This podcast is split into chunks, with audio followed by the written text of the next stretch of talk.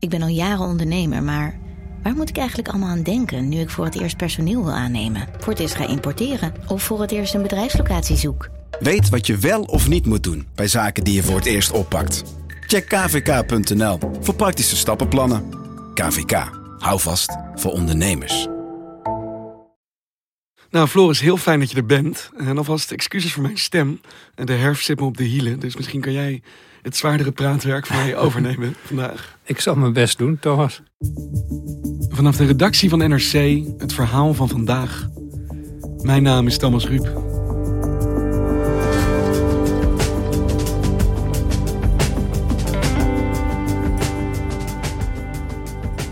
Vijf jaar nadat hij zichzelf uitriep tot kalif van de Islamitische Staat, is hij nu toch echt gedood.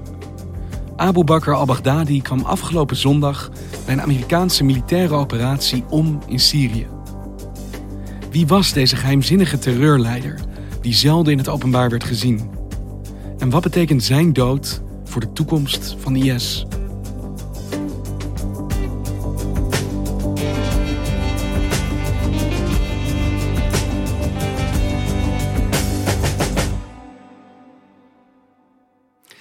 Zondagochtend vrij vroeg al uh, begonnen de berichten te circuleren dat er iets groots was gebeurd. Dat had Trump zelf ook al rondgetwitterd. Floris van Straten is Midden-Oosten-redacteur op de buitenlandredactie van NRC. Zonder verdere bijzonderheden te geven.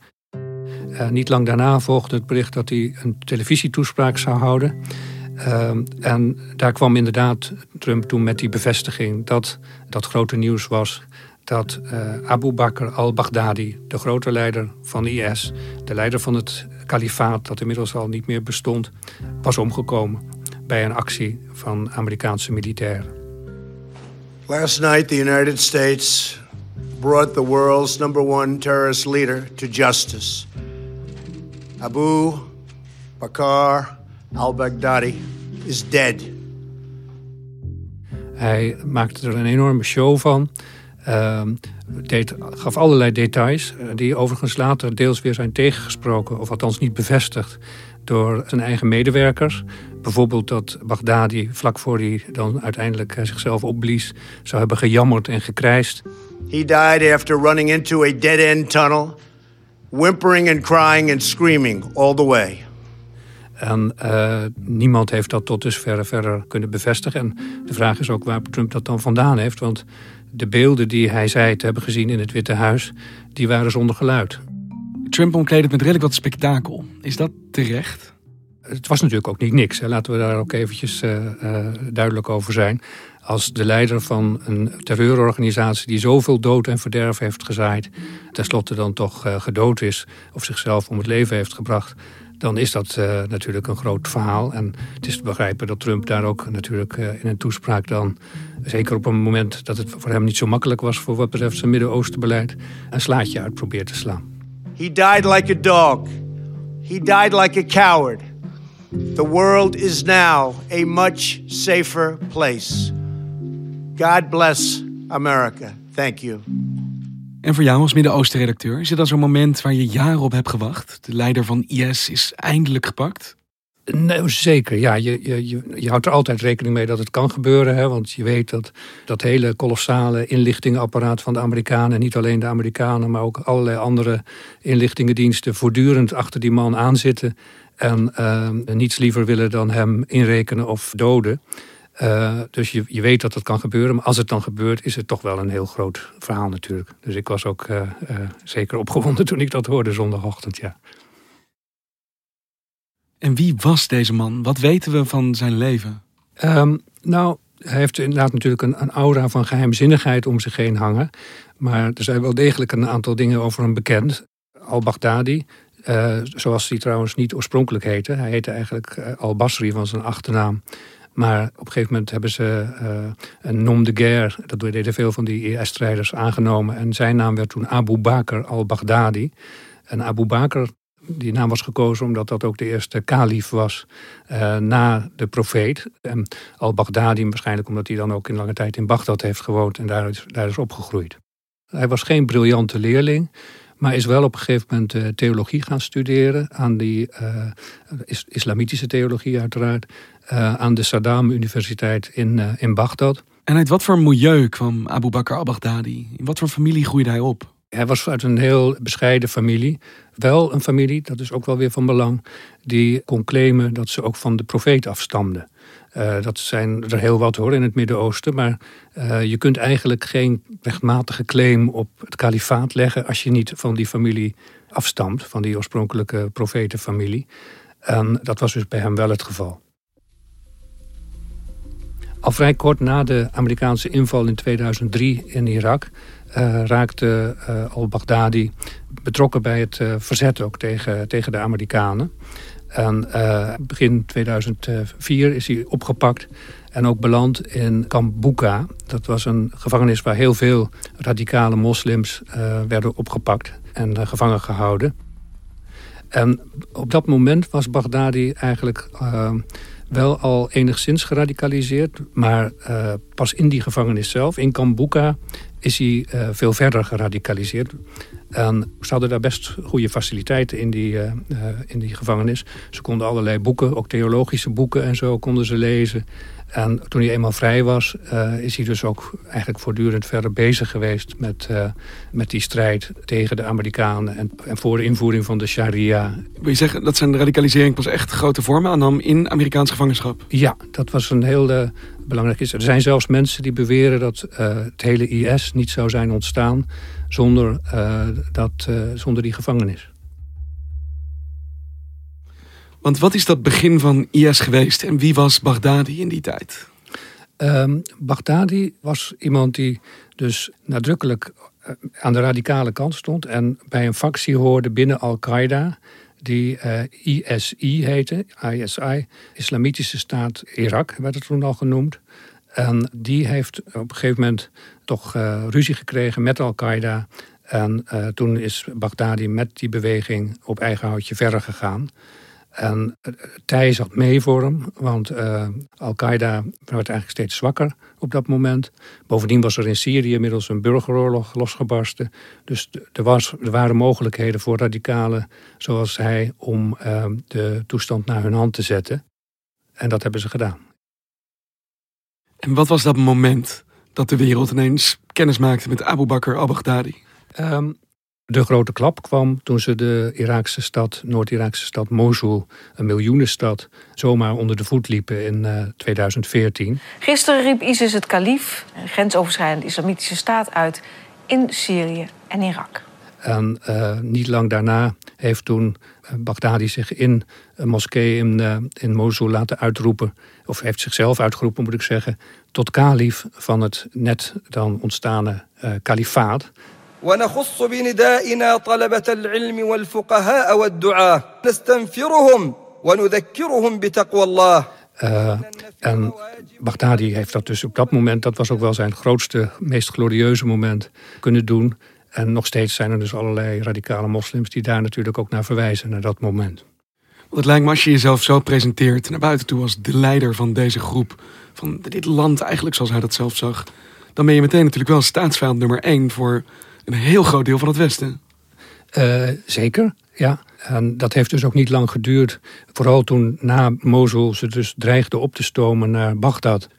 Toen sloeg de schrik ook uh, niet alleen de Irak, Iraakse regering, maar ook de Amerikanen en, en veel andere internationale mogendheden uh, om het hart. En toen is er dus ook vrij snel een coalitie op touw gezet, onder leiding van de Amerikanen, om islamitische staat te gaan bestrijden. En hoe ver was die ook op Baghdadi gericht? Hoe ver stond hij op de radar als de man die ze moeten hebben? Uh, nou, hij stond uh, onmiddellijk uh, natuurlijk hoog op de lijst. als hoogste, kun je zeggen. Want ja, hij was gewoon de leider van IS, van dat gruwelijke regime dat daar de ene wreedheid na de andere beging. Humiliation, then execution. That's the fate the enemies of Islamic State know they face if they're defeated or captured. Security Council says we have seen a video that purports to be the murder of U.S. citizen James Foley by ISIL. The intelligence community is working as quickly as possible to determine its authenticity. If en dat bleef dus ook doorgaan, ook met buitenlanders die werden gepakt en uh, die dan zeer demonstratief werden onthoofd. Zoals James Foley, bijvoorbeeld die uh, Amerikaanse journalist en nog een aantal andere mensen. Maar Het grote probleem was natuurlijk iedere keer dat uh, hij eigenlijk zelden in het openbaar verscheen. Eigenlijk helemaal niet, behalve die ene keer dat hij in die moskee Mosul opdook. Hebben we alleen wat videobeelden af en toe gekregen en uh, audioboodschappen. Um, en afgezien daarvan was er dus, waren er heel weinig aanknopingspunten. Dus vanaf het begin van die oorlog tegen IS wist eigenlijk niemand waar de leider was? Uh, ja, en dat, aan de ene kant was dat natuurlijk een uh, probleem, ook voor, voor IS zelf. Aan de andere kant zie je vaker dat dan zo'n soort aura van geheimzinnigheid en zekere mystiek rond de leider schept, uh, die dan weer ook bij velen aanspreekt. Dat zag je ook bij Osama Bin Laden, die zich natuurlijk ook zelden meer vertoonde dat als ze dan toch een boodschap af en toe doorgaven, dan maakte dat vaak wel meer indruk ook op hun, op hun uh, aanhangers dan wanneer je bijvoorbeeld elke dag een Twitterbericht krijgt van je leider, zoals nu uh, vandaag bij veel, veel leiders het geval is. Hij, hij, heeft extreme voorzorgsmaatregelen altijd genomen om uit handen van de Amerikanen of anderen te blijven. Ja, want hoe doe je dat? dat heeft hij onder andere gedaan door heel mobiel te blijven. Anders dan bijvoorbeeld Osama Bin Laden, die zich uh, jarenlang op het laatst verborg in een, uh, in een villa in, in Pakistan, is hij voortdurend nog blijven trekken van de ene plek naar de andere. En ook het overleg met commandanten bijvoorbeeld uh, deed hij in minibusjes die reden en die er dan uitzagen als groentestalletjes, mobiele groentestalletjes. En daarbinnen zat, zat dan Baghdadi met zijn commandanten te overleggen. Dat was het topoverleg van IS in een groentebusje. Ja, ja. Maar niemand kreeg hem te pakken dus? Of is dat wel eens kantje boord geweest? Uh, nou, er zijn wel af en toe bombardementen geweest op eh, plekken waarvan men vermoedde dat Baghdadi daar zat. Waarna dan ook berichten gingen circuleren dat hij daadwerkelijk was, uh, was gedood. The U.S. is investigating reports from Russia that one of its airstrikes may have killed the leader of ISIS. Reuters, however, could not independently verify Baghdadi's death. His death has been announced many times before. But last week, the top U.S. commander in the fight against ISIS left some doubt. I don't have a reason to believe that he's alive. Don't have proof of life. Uh, dus you know. dat, ook dat droeg weer bij tot het aura van ongrijpbaarheid van de leider. Um, maar goed, uiteindelijk uh, kwamen er wel degelijk natuurlijk uh, toch inlichtingen die wezen uh, in, de echte, in de richting van de echte Baghdadi. En kwamen ze steeds dichterbij. En wanneer begint die operatie? Wanneer gaat het dan echt van start?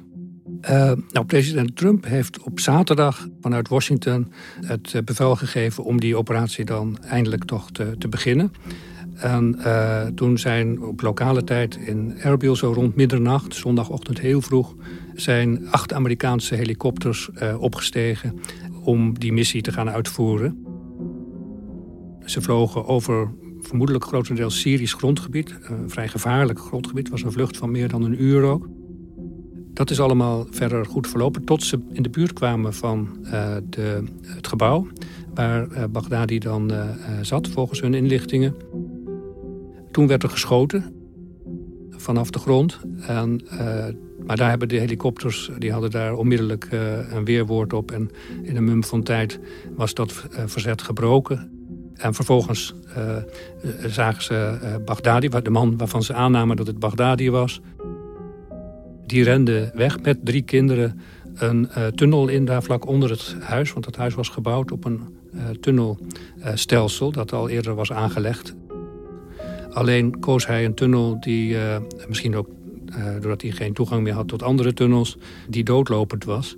Dus toen de honden, de Amerikaanse honden en de militairen daar vlak achteraan uh, hem op de hielen zaten, toen besefte hij dat hij geen schijn van kans meer had en in de val zat. En heeft hij een bomgordel die hij bij zich had tot ontploffing gebracht. En dat was het einde van, van Baghdadi. En van drie van zijn kinderen dus? En van drie van zijn kinderen, zeker. En dat is dus ontvangen in Washington als een gigantisch militair succes. Ja, zeker. Last night was a great night for the United States and for the world. I want to thank the nations of Russia, Turkey, Syria, and Iraq. And I also want to thank the Syrian Kurds for certain support they were able to give us. Die timing is wel opvallend. Je zei het zelf al.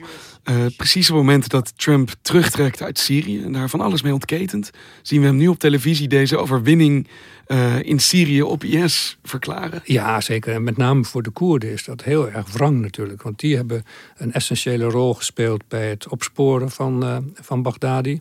Hebben volop meegewerkt. En als dank voor deze prestaties laat Trump ze volledig vallen. En levert ze min of meer over aan de Turken, althans in een groot eh, deel van de gebieden die zij tot voor kort uh, controleerden. En welk politiek kapitaal geeft dit Trump? Uh, binnenlands kan Trump er natuurlijk heel goed van profiteren. Want hij lag juist door dat besluit om zich zo plotseling terug te trekken uit Syrië. behoorlijk onder vuur, ook in Washington. Dit nieuwe feit van de dood van Baghdadi. Ja, geeft natuurlijk Trump weer een hoop munitie tegenover zijn critici dit is wel degelijk een belangrijke stap. Uh, we moeten maar afwachten hoe het verder gaat met IS. Maar in elk geval kan Trump nu schermen, net als uh, destijds uh, Barack Obama kon schermen met de dood van Osama bin Laden. Zo kan Trump dat natuurlijk nu ook met de dood van Baghdadi. Want hoe effectief is het om de leider van zo'n organisatie te doden? Wat betekent dat voor het vervolg, het verloop van die organisatie, wat ze nog wel niet kunnen doen? Ja, dat is heel moeilijk uh, om, dat, om daar echt zekerheid uh, over te verschaffen. Want we weten niet eens precies hoe belangrijk Baghdadi nu nog was de laatste tijd. Waarschijnlijk niet heel belangrijk, omdat hij voortdurend op de vlucht was. Maar zowel voor hem als voor destijds Osama bin Laden gold dat ze door die inspiratie die ze boden via hun uh, periodieke audioboodschappen en zo, toch wel degelijk nog vaak radicale jongeren uh, wisten te motiveren tot uh, uh, zeer grote terroristische aanslagen. Dus dat is misschien niet eens zozeer dat nu het operationele hoofd was weggeslagen, maar meer ook het symbool. Ja, alleen al het feit dat hij dus over miljoenen mensen en hun lot kon beschikken. en dat op zo'n ja, aparte, radicaal-islamitische wijze deed dat blijft natuurlijk uh, een bron van fascinatie voor heel veel van zijn, uh, van zijn aanhangers. Dus als die man wegvalt, dan is dat een, zeker een klap. Wat zou er binnen wat er nog over is van IS nu een enorme strijd om opvolging begonnen zijn? Is er een leider nodig? Kan zo'n organisatie bestaan zonder aansprekend gezicht? Dat is toch wel moeilijk voorstelbaar dat er dan helemaal geen leider zou zijn. En dat de, die ook lokale afdelingen van de IS die er her en der uh, nog wel degelijk bestaan, dat die dan maar gewoon volledig autonoom verder zouden gaan. Dat is toch niet zo waarschijnlijk. Waarschijnlijk komt er wel op een gegeven moment, als deze beweging inderdaad in leven blijft, een leider weer tevoorschijn. Dat zal nog niet meevallen, want ook de nummer twee, die misschien de leiding had kunnen overnemen, de rechterhand van Baghdadi, die is naar alle waarschijnlijkheid ook gedood bij een andere actie dit weekend. Dus het zal niet makkelijk zijn om nu uh, de boel te coördineren. En, er zijn nu niet direct voor de hand liggende figuren die als een soort kroonprins meteen de zaak kunnen overnemen. Het kan ook zijn, overigens, dat is nog een andere mogelijkheid, dat Al-Qaeda, dat sinds de dood van Bin Laden geleidelijk aan wel weer wat meer invloed heeft gewonnen, nu toch ook de handen weer ineens slaat met het, de overblijfselen van de IS. Um, want beide hebben eigenlijk niet zulke hele sterke ideologische verschillen. En het was vooral wegens persoonlijke uh, ruzies tussen Al-Qaeda-leiders en, en Baghdadi... dat op een gegeven moment er een breuk is ontstaan tussen die twee. Dus je hebt kans dat die twee organisaties, die nu eigenlijk beide zonder aansprekend gezicht zitten... misschien samen weer één kunnen vormen? Ja, ik heb dan toch die woorden van Trump die maar in mijn hoofd blijven echoen. Die enorme triomfantelijke zinnen. Hoe groot dit is wat we hier bereikt hebben. Gaan we daar zo op terugkijken? Gaat dit een keerpunt zijn? Um, nou, ik denk dat als. Uh, ik weet, we weten natuurlijk niet of Trump wordt herkozen. Maar als dit bij vier jaar zou blijven. dan zou dit zeker wel worden gezien als een van de grote momenten voor Trump. En uh, ook dat ze dit nu dus al voor de tweede keer doen. Hè. Met uh, Osama bin Laden is het ze gelukt uiteindelijk. En dat geldt nu weer voor Baghdadi. Dus um, dat laat ook wel zien dat uh, die macht van Amerika toch ook wel heel ver strekt uiteindelijk. En je moet wel van zeer goede huizen komen om daar echt voor altijd aan te ontkomen. Dankjewel, Floris. Gedaan.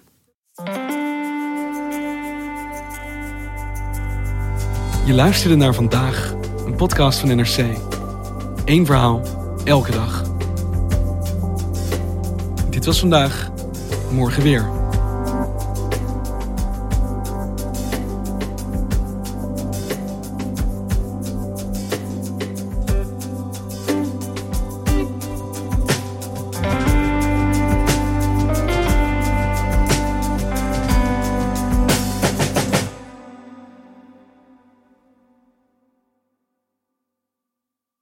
Technologie lijkt tegenwoordig het antwoord op iedere uitdaging. Bij PwC zien we dit anders. Als we de potentie van technologie willen benutten, kunnen we niet zonder een menselijk perspectief. Human-led, tech-powered noemen we dat. Ga naar pwc.nl.